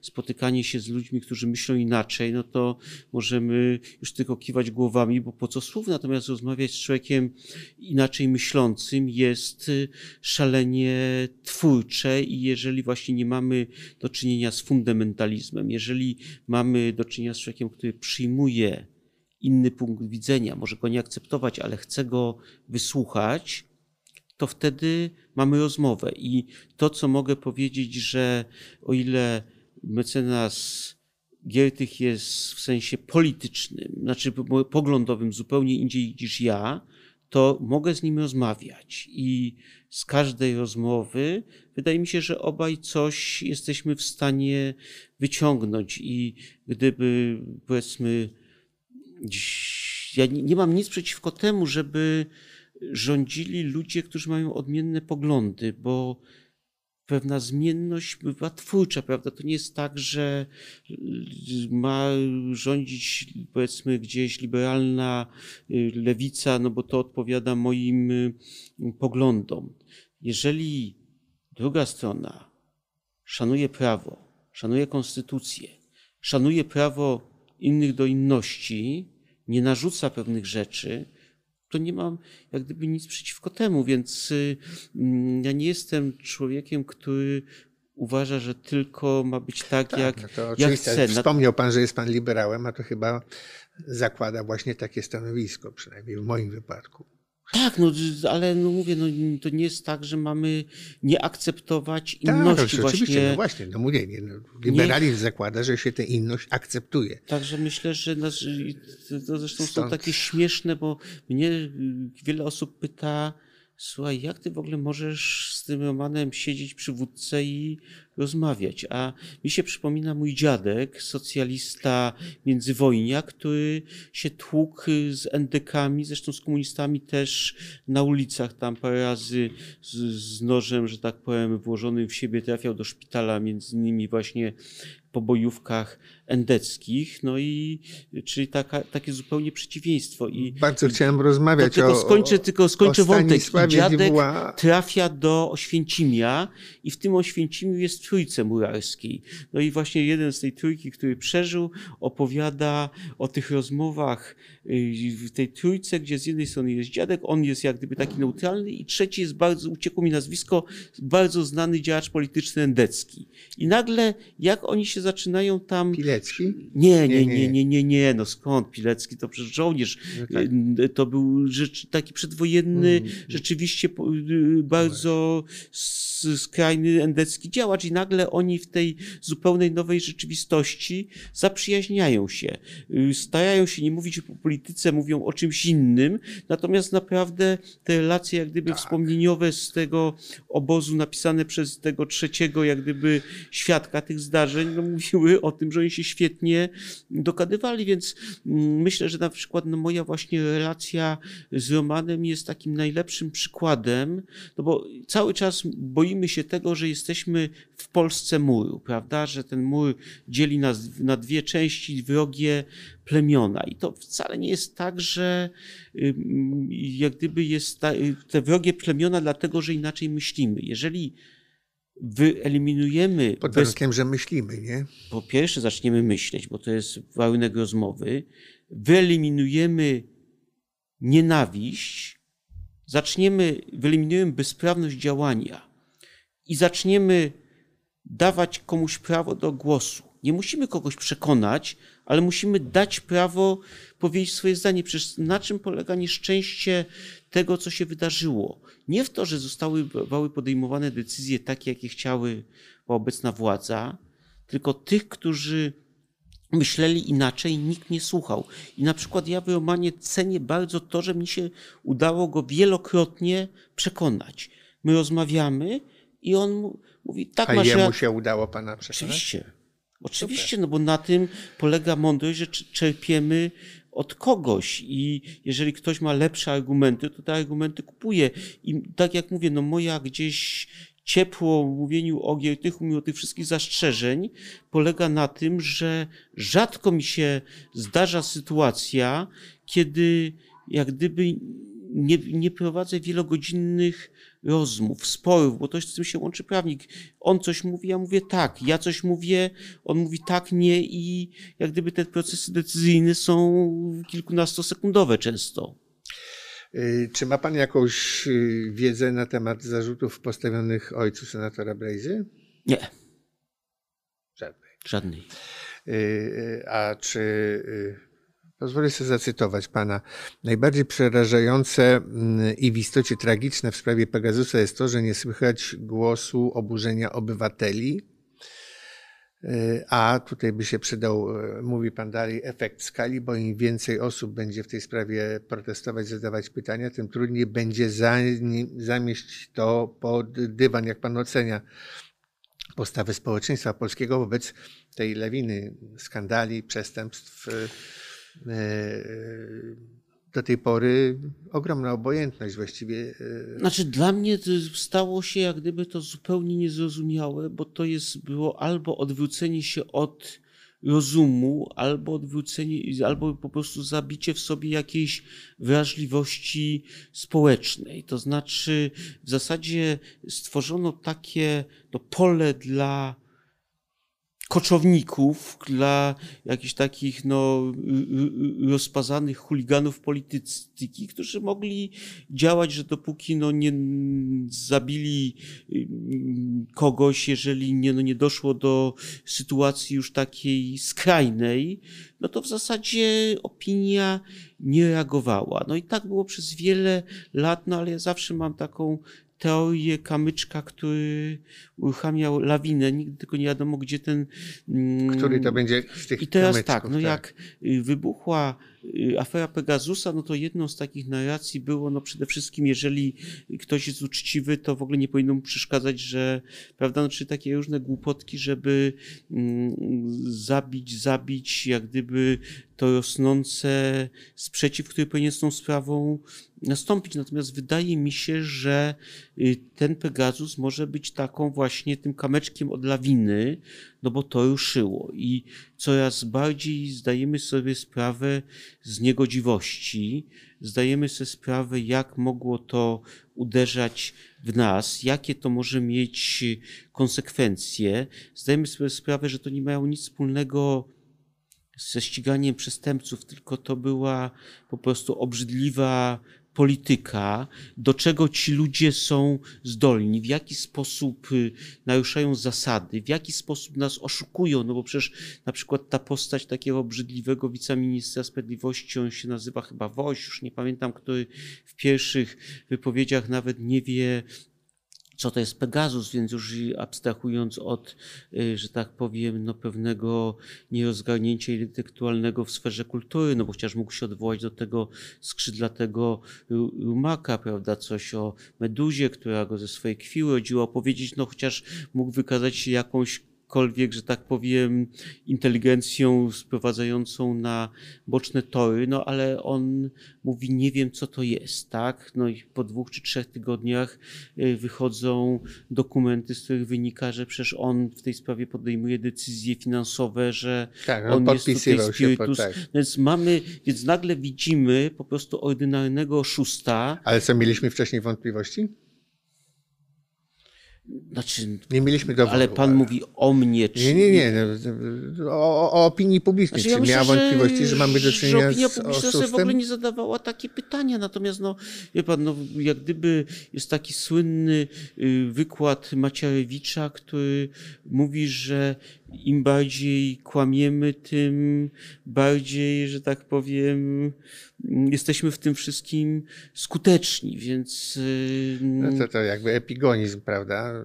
natomiast, natomiast y, Niejaki Goebbels y, mówił, myśmy że na- kłamstwo powtórzone 200 razy staje się prawdą. No tak, tylko myśmy na to dali y, przyzwolenie nagle No właśnie, człowiek no budzi właśnie. się z jakiegoś takiego snu, przeciera oczy. No i wydaje mi się, że to właśnie stopień budzenia się społeczeństwa jest y, coraz większy. Teraz, no, zakładając na przykład, że mm, udałoby się opozycji dogadać z Kukizem, jeżeli by się udało... Udało się. No tak, ale ja mówię, udało się w A, nie, sensie przełożenia tego na komisję, no bo mamy tą... No tak, no, udało się. Ale już jest powołana? Nie, nie jest jeszcze powołana, ale już wiadomo, że zostanie. No, No, no, ale zapowiedział, Proszę że, pamiętać, że że to jest Kukiz Kukiz. jest no tak. osobą zmienną w swoich decyzjach. Jeżeli zostanie na przykład propozycję prowadzenia spółki Orlen jutro, no to może jego diametralnie się y, spojrzenie na rzeczywistość zmienić. Natomiast proszę pamiętać, że komisja senacka, która zrobiła bardzo dużo dobrego, jednak nie ma przede wszystkim swoich uprawnień śledczych. Ona nie może wezwać świadka, no więc wiadomo, że prezes Kaczyński, czyli jedna z podstawowych osób, która powinna się stawić, czy Kamiński, czy Ziobro, czy pan Woś, po prostu, mówiąc krótko, nie przyjdą i nie będą mogli być odpowiedzi, przesłuchani pod y, odpowiedzialnością karną. W Senacie. W Senacie, znaczy w Senacie, Komisja Sejmowa, to już byłoby zupełnie coś innego. I teraz wydaje mi się, że właśnie następuje takie przebudzenie, że ludzie no coraz bardziej sobie zadają pytania. Tak, tutaj mnie wywalono na kopertach na 80 milionów, tutaj na maseczkach na 100 ileś milionów, tutaj płacę po pół miliona euro za turów, tu płacę Codziennie. po milion euro codziennie. No i nagle to wszystko jakby człowiek wziął taki kalkulator i policzył i zobaczył, na ile z nas każdy. Ale Kowalski jeszcze się nie zorientował, że to on wykłada te pieniądze. On się jeszcze nie No zorientował. nie, ale on się jeszcze pan, cieszy z pan- 500 plus. Nie, ale pan właśnie no tutaj podchodzi trochę, prawda, starając się te, powiedzieć, że ty jesteś głupi, ty się nie zorientowałeś, a ja właśnie Nie, nie, ja prowokacyjnie panu zadaję takie pytanie. Ja wychodzę z założenia, że, że nie tyle się nie zorientował, że może nie chciał tego dostrzegać, bo y, y, jak gdyby y, układ pozwalał mu w tym partycypować. Natomiast no, jak gdyby dochodzi do sytuacji, że z tą partycypacją jest coraz bardziej. Te niepokojące głosy są coraz, już nie da się powiedzmy zamknąć drzwi i one nie dochodzą, no i ujawnia się Ja coraz... widzę, że pan nie ogląda publicznej telewizji. Nazywam ją publiczną eufemistycznie, no ale okazuje się, że się da. Panie mecenasie, da się zignorować to wszystko. No co nie, no dzieje. oczywiście, że się da, ale ja mówię o pewnym zasięgu, prawda? No bo w polityce nie mówi, znaczy nie ma pan stanu idealnego, prawda? Jeżeli pan przeprowadzi ankietę, ile osób uważa, że Ziemia jest osadzona na żółwiu, który idzie przez wszechświat, to wydaje mi się, że jakiś procent statystyczny uzyskamy, prawda? Czyli nie ma nigdy sytuacji idealnej. Teraz nie, nie mówimy o zwycięstwie 100%, prawda, że 100% uzna, że mamy do czynienia z ludźmi naruszającymi prawo, tylko w polityce tak naprawdę w tym układzie istotne jest 5-7%, prawda?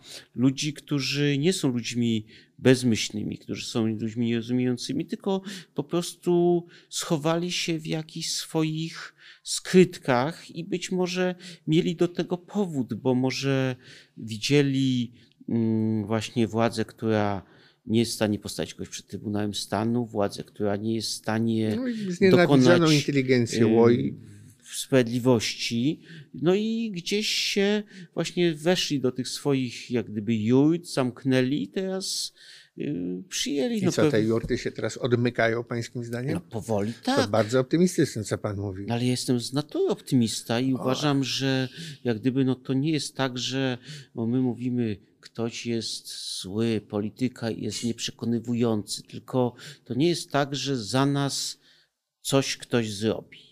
To nie jest tak, że powiemy, to jest wina Tuska, czy Hołowni, czy kogokolwiek innego, no bo on nie jest w stanie przekonać do. Oczywiście w dużym stopniu jest, ale, mniej Trzaskowskiego. ale jest wina nas samych, bo jedziemy na wakacje, wchodzimy do mazurskiej chaty, przyjmuje nas przymiły gospodarz, który ma jakieś poglądy odmienne od nas i mamy dwa tygodnie na to, żeby po, być może przekonać go do naszych celów. I teraz niech każdy z nas osiągnie 5% sukces, to już jak gdyby wynik wyborów będzie naszym Profesor Balcerowicz z tego miejsca właśnie mówił, że najbardziej patriotycznym zadaniem dla każdego w tej chwili Polaka jest przekonać jednego sąsiada, który głosował na PiS. To byłoby Zrób to, wielkie przekonaj. zwycięstwo. Ja, ja mówię o pół, o pi- z- pięciu procentach sąsiada i to już będzie Mhm. tam.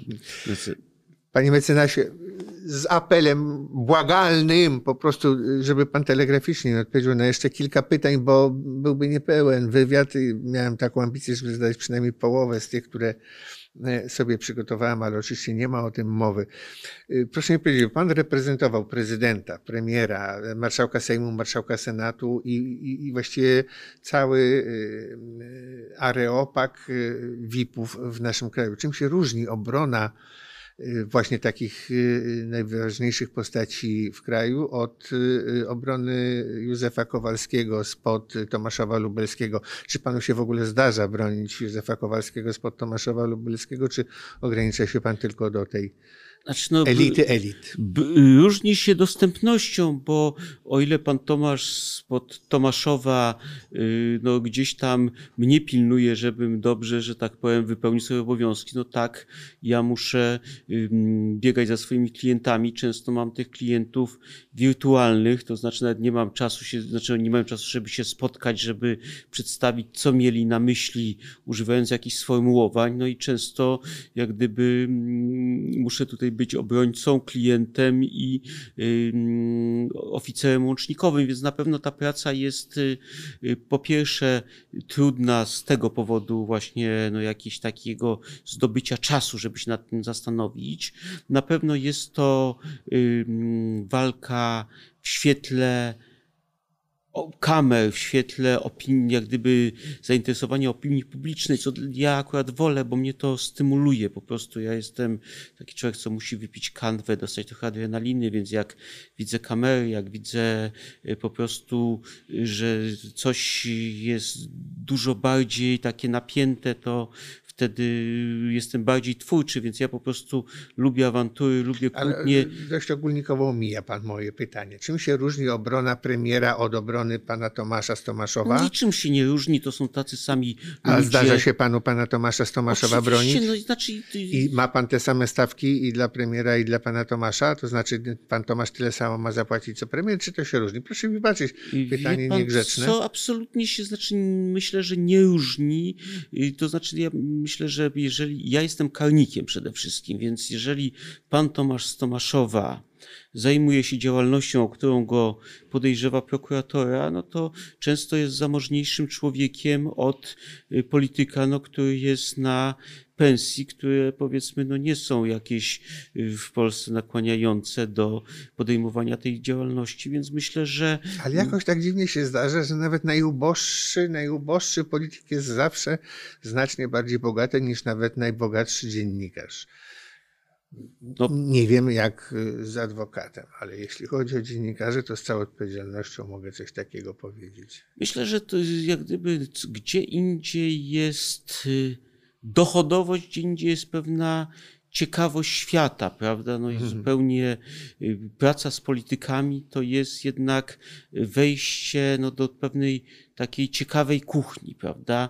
Przecież oni tworzą historię, prawda? I teraz y, w, w takich sprawach no, wchodzimy za kulisy i jesteśmy no, gdzieś obserwatorami historii z bliska. To jest bezcenne dla człowieka, który patrzy szerzej, no ja patrzę na to z punktu widzenia felietonów, oczywiście nie mogę o tym pisać, ale zyskuje pewne doświadczenia, wiedzę, więc ja bym powiedział tak, polityka to nie są dla adwokata pieniądze, dla adwoka natomiast jest to bycie w centrum historii. Natomiast no, zorganizowana grupa przestępcza przez Ciechanowa, która obraca tonami opium, marihuany czy innych środków zakazanych, może nie jest jak gdyby taka ciekawa z punktu widzenia, yy, nazwijmy to, życia współczesnego, no ale daje pewne mm, stabilność zawodową i możliwość jak gdyby realizowania swoich pasji. A propos doświadczeń yy, i korzyści z nich odnoszonych, pan yy, został sam niemalże na ławie oskarżonych postawionych przez pana Bogdana Eś i przez paru innych funkcjonariuszy obecnego układu rządzącego, czy y, fakt y, tego, że pan sam jest oskarżony i ktoś pana musi bronić, jest czymś, co pana wzbogaca jako adwokata w późniejszych Ależ oczywiście, pracy. znaczy ja już nie muszę, bo ja już zostałem, że tak powiem, prawomocnie uniewinniony, natomiast rzeczywiście... Ale parę spraw chyba jeszcze pan ma, nie? Nie, nie już jestem. nic? Nie jest, jestem. Nie, nie, nie, nie. Ja, ja mam tylko postępowania dyscyplinarne za nadużycie słowa słowo właśnie, jak mówię o zwierzętach w obcej skórze i tak dalej. Natomiast rzeczywiście w roku 2005 zostałem posadzony na ławie y, oskarżonych przez y, obecnych, że tak powiem, y, mm, przedstawicieli władzy byłem wielokrotnie z tego tytułu atakowany i muszę powiedzieć, że jest to absolutnie niebywałe przeżycie, bardzo kształcące, uczące po pierwsze empatii, pokazujące wszelkie pułapki proceduralne, niebezpieczeństwa i tak dalej i y, zobaczenie jak gdyby tego od kuchni, no bo wydaje mi się, że człowiek wykonując jakiś zawód wszystko wie, prawda? Natomiast no nagle, jeżeli jest po drugiej stronie i y, to on się poci, a nie, prawda, tylko yy, mówi w imieniu tego pocącego, jeżeli yy, właśnie zastanawia się, na ile emocje mogą zaćmić zdrowy rozum. Ja na przykład wziąłem profesjonalnych adwokatów, moją zresztą wielką przyjaciółkę mecenas Czechowicz, już nieżyjącego y, pana mecenasa Czesława Jaworskiego, prezesa Naczelnej Rady, przyjaciela mojego ojca. No i mogłem, jak gdyby oddając ich los, swój los w ich ręce, no mogłem y, jak gdyby no nie myśleć nad całą sprawą, oglądać to właśnie tak też trochę jak z punktu widzenia socjologicznego, jak i tak obserwator. No i muszę powiedzieć, że dało mi to y, niesamowite przeżycie. Przede wszystkim dostrzegłem marność naszego wymiaru sprawiedliwości w sensie czasu. Ja oczywiście no, nie chcę zapewniać, będę to, gdzie to turizmem, że czułem się niewinny i że tą sprawę traktowałem no, jako stricte polityczną, więc siłą rzeczy chciałem ją jak najszybciej zakończyć. No i mimo robienia wszystko, żeby y, zakończyć i nawet powiedziałbym pewnej w tym zakresie życzliwości sędziów, którzy też chcieli tą sprawę zakończyć, ona trwała 6 lat.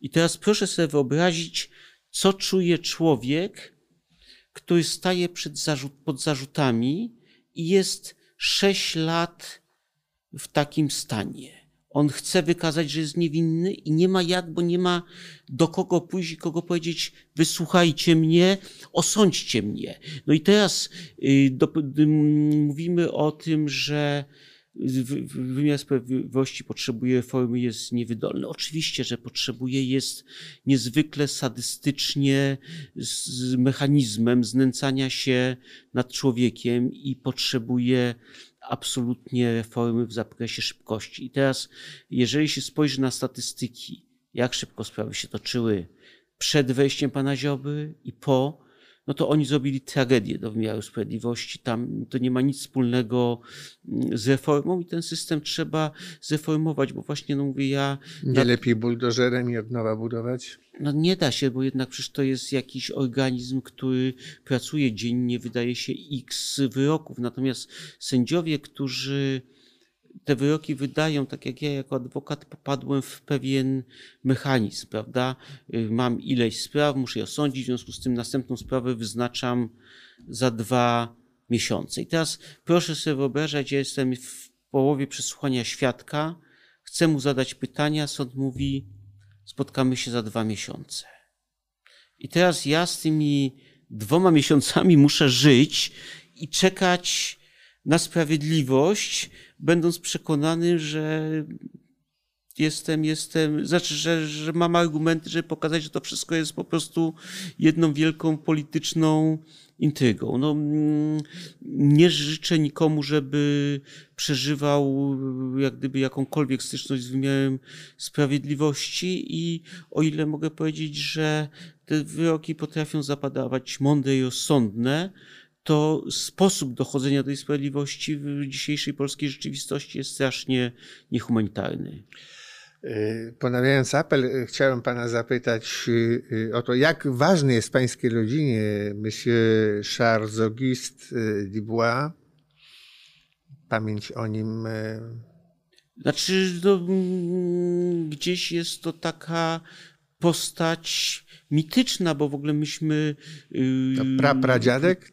Pra, pradziadek i pra, pra, pradziadek, bo jeden był, bo było dwóch Charlesów, był ojciec i syn, tylko jeden tam miał, dru, drugie imiona się różniły, tylko y, ci dziadkowie byli bardzo mityczni, dlatego, bo mm, w powstaniu praktycznie zniknęły wszystkie dokumenty rodzinne. Kiedy mm, mój dziadek zginął w Oświęcimiu, mój ojciec był chyba tam dziewięciolatkiem, natomiast widzieli się po raz ostatni, jak ojciec miał sześć lat, ponieważ był jedynakiem, w związku z tym ta cała historia rodziny powiedzmy nie przeszła. I myśmy żyli w, mm, przy jakimś mitycznym francuskim protoplaście, który nie wiedzieliśmy, jak się on nazywa. No i w momencie, jak mój ojciec z Michałem Komarem robił taki, taką książkę Adwokat, czyli życie w ciekawych czasach, jak opowiedział mu o tym naszym przodku, no to Michał, który jest historykiem, poszedł do archiwum, francuskich, pogrzebał, no i przyniósł nam całą historię rodziny, więc w dużym Stąd stopniu... wiemy, że to był żołnierz napoleoński, Tak. który po 1812 roku postanowił uczyć francuskiego gdzieś na Podolu, Wołyniu. Właśnie nawet nie wiemy gdzie, czy na Podoniu, czy, czy na Podolu, czy na Wołyniu, natomiast y, y, ustaliliśmy, gdzie zmarł jego ojciec, y, ustaliliśmy ten cały szlak bojowy, więc tak, żeśmy odzyskali ten, to drzewo genealogiczne właśnie dzięki mm, Michałowi, no i fajne, fajnie odkrywać swoje, swoje korzenie, które są z zupełnie innego kraju, No właśnie, a wspomniał pan y, dziadka Stanisława Dubois, który ma swoją ulicę w Śródmieściu Warszawskim i w dwóch tuzinach co najmniej innych miast y, polskich, 33, bo ostatnio policzyłem. 33. No właśnie, to y, myślę, że to też musi być mityczne. Czy odziedziczył pan po nim przekonania socjalistyczne, tak? Znaczy, bo pan się parę razy powoływał. Nie, socjalistyczne nie. Zna- Ja gdzieś, ja mam dużą po prostu taką wrażliwość społeczną, więc z jednej strony y, przy pewnym no, mm, wolności do, w ogóle do rynku, czy takim liberalizmowi, który no, był w siłą rzeczy w opozycji do komunistycznego państwa, w którym się wychowywałem, czyli z jednej strony to jest taki no, poglądy liberalne, z drugiej strony jednak y, mm, mam pewną wrażliwość społeczną, którą mm, odziedziczyłem po dziadku. Doceniam jak gdyby no, pewną potrzebę y, troskliwości państwa. Nie uważam, że to jest tak, y, na czym zresztą no, położyła się tak naprawdę nasza władza liberalna, że dajmy ludziom m, prawda, do ręki narzędzia i dalej pozostawmy im tylko wolność, bo jest dużo ludzi, którzy jednak potrzebuje, y, żeby państwo by- było z nim, żeby państwo wykazało jakąś troskę, zainteresowanie, więc jestem takim lewicowym trochę liberałem, czyli przede wszystkim wolność, ale nie wolność ponad wszystko, nie kosztem y, pewnego państwa mm, opiekuńczego. Opisywał pan kilkakrotnie, jak to tata odganiał pana spod drzwi swojego gabinetu, kiedy usiłował pan podsłuchiwać jego rozmowy ze swoimi klientami. Yy, Pański tata był prawdziwym mitem, no, szefem y, Rady, Naczelnej Rady Adwokackiej, no i takim y, księciem palestry. Yy, A pan sam mówił, że jest pan skazany na bycie adwokatem. To, to rzeczywiście tak się odbyło, znaczy y, y, z mlekiem ojca, że tak się wyrażę, pan wy, wyssał To znaczy, no są, swój zawód, swoją pasję. Są dzieci, które mają szczęście albo nieszczęście mieć charyzmatycznych rodziców.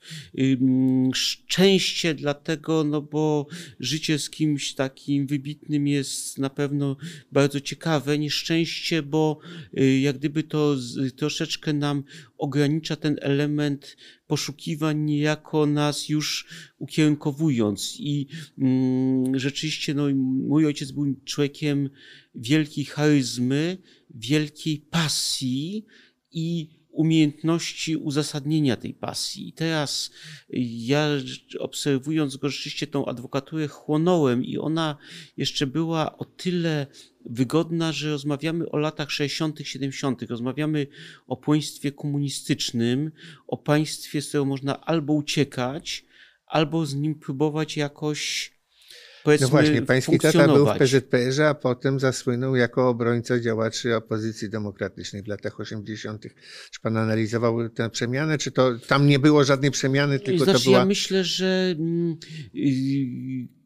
jeżeli wybieramy jakąś drogę, no to musimy do niej znaleźć narzędzia. I teraz y, mój ojciec, jak gdyby nigdy nie interesował się polityką, ojciec kochał adwokaturę i dla niego życiem, no, największą miłością był samorząd. On tym dziekanem był przez 18 lat. I teraz, żeby być w samorządzie, to jest żeby jakaś skuteczność, prawda? Czyli żeby dla tego samorządu coś wywalczyć. No, realia ówczesnej okresu, no to była umiejętność rozmowy z władzą, prawda? No bo jeżeli powiedzmy, no, dysydent zostałby dziekanem y, w latach 60., 70., to po prostu ten samorząd zostałby, no mówiąc krótko, zamknięty. No więc y, jak gdyby to była pewnego rodzaju szkoła polityki samorządowej, czyli wydzieranie pewnych rzeczy kosztem czegoś. No i wydaje mi się, że jak gdyby no jego y, ten udział w partii, który nie można mu zaprzeczyć, zawsze też nie mogłem zrozumieć, dlaczego taką decyzję podjął, no był w jakiś sposób no właśnie zyskaniem atutu, że nie będzie można mu zarzucić pewnych działań, nazwijmy to, które dyskryminowały, które można powiedzieć, nie będziemy z wami rozmawiać, dlatego, bo mógł się zasłaniać właśnie tym, że przyjął pewne zasady drugiej strony, natomiast no, stan wojenny, zresztą wcześ, te wcześniejsze też procesy, no to było jednoznaczne, to było naruszanie y, praw człowieka, to była y, po prostu mm, działanie państwa przeciwko jednostce, no i ojciec sobie w ogóle nie wyobrażał innej postawy niż właśnie dawanie jako dziekan przykładu, czyli uczestniczenia w tych wszystkich sprawach politycznych. Zresztą no, też to jest piękna karta adwokatury, no bo jak jest stan wojenny, to jesteśmy pierwszą grupą y, zawodową, która podejmuje sprzeciw przeciwko stanu wojennemu. Jest taka słynna właśnie uchwała Warszawskiej Rady Adwokackiej z 14 grudnia 1981 roku, kiedy ojciec był dziekanem i kiedy to był taki y, pierwszy w zasadzie protest zorganizowany instytucjonalny przeciwko stanowi wojennemu. Y, I pan, i państwo będą mi musieli wy wybaczyć, że nie zadam już pytań dotyczących działalności literackiej, ponieważ czas nam się skończył jakiś czas temu. Yy, bardzo serdecznie dziękuję panu mecenasowi za dziękuję, wizytę w studiu, za, za rozmowę bardzo ciekawą. Yy, ego te absolvo, yy, jakby to powiedzieć. Państwa zapraszam na kolejne odcinki programu Allegro Monontropo. Dziękuję i do zobaczenia.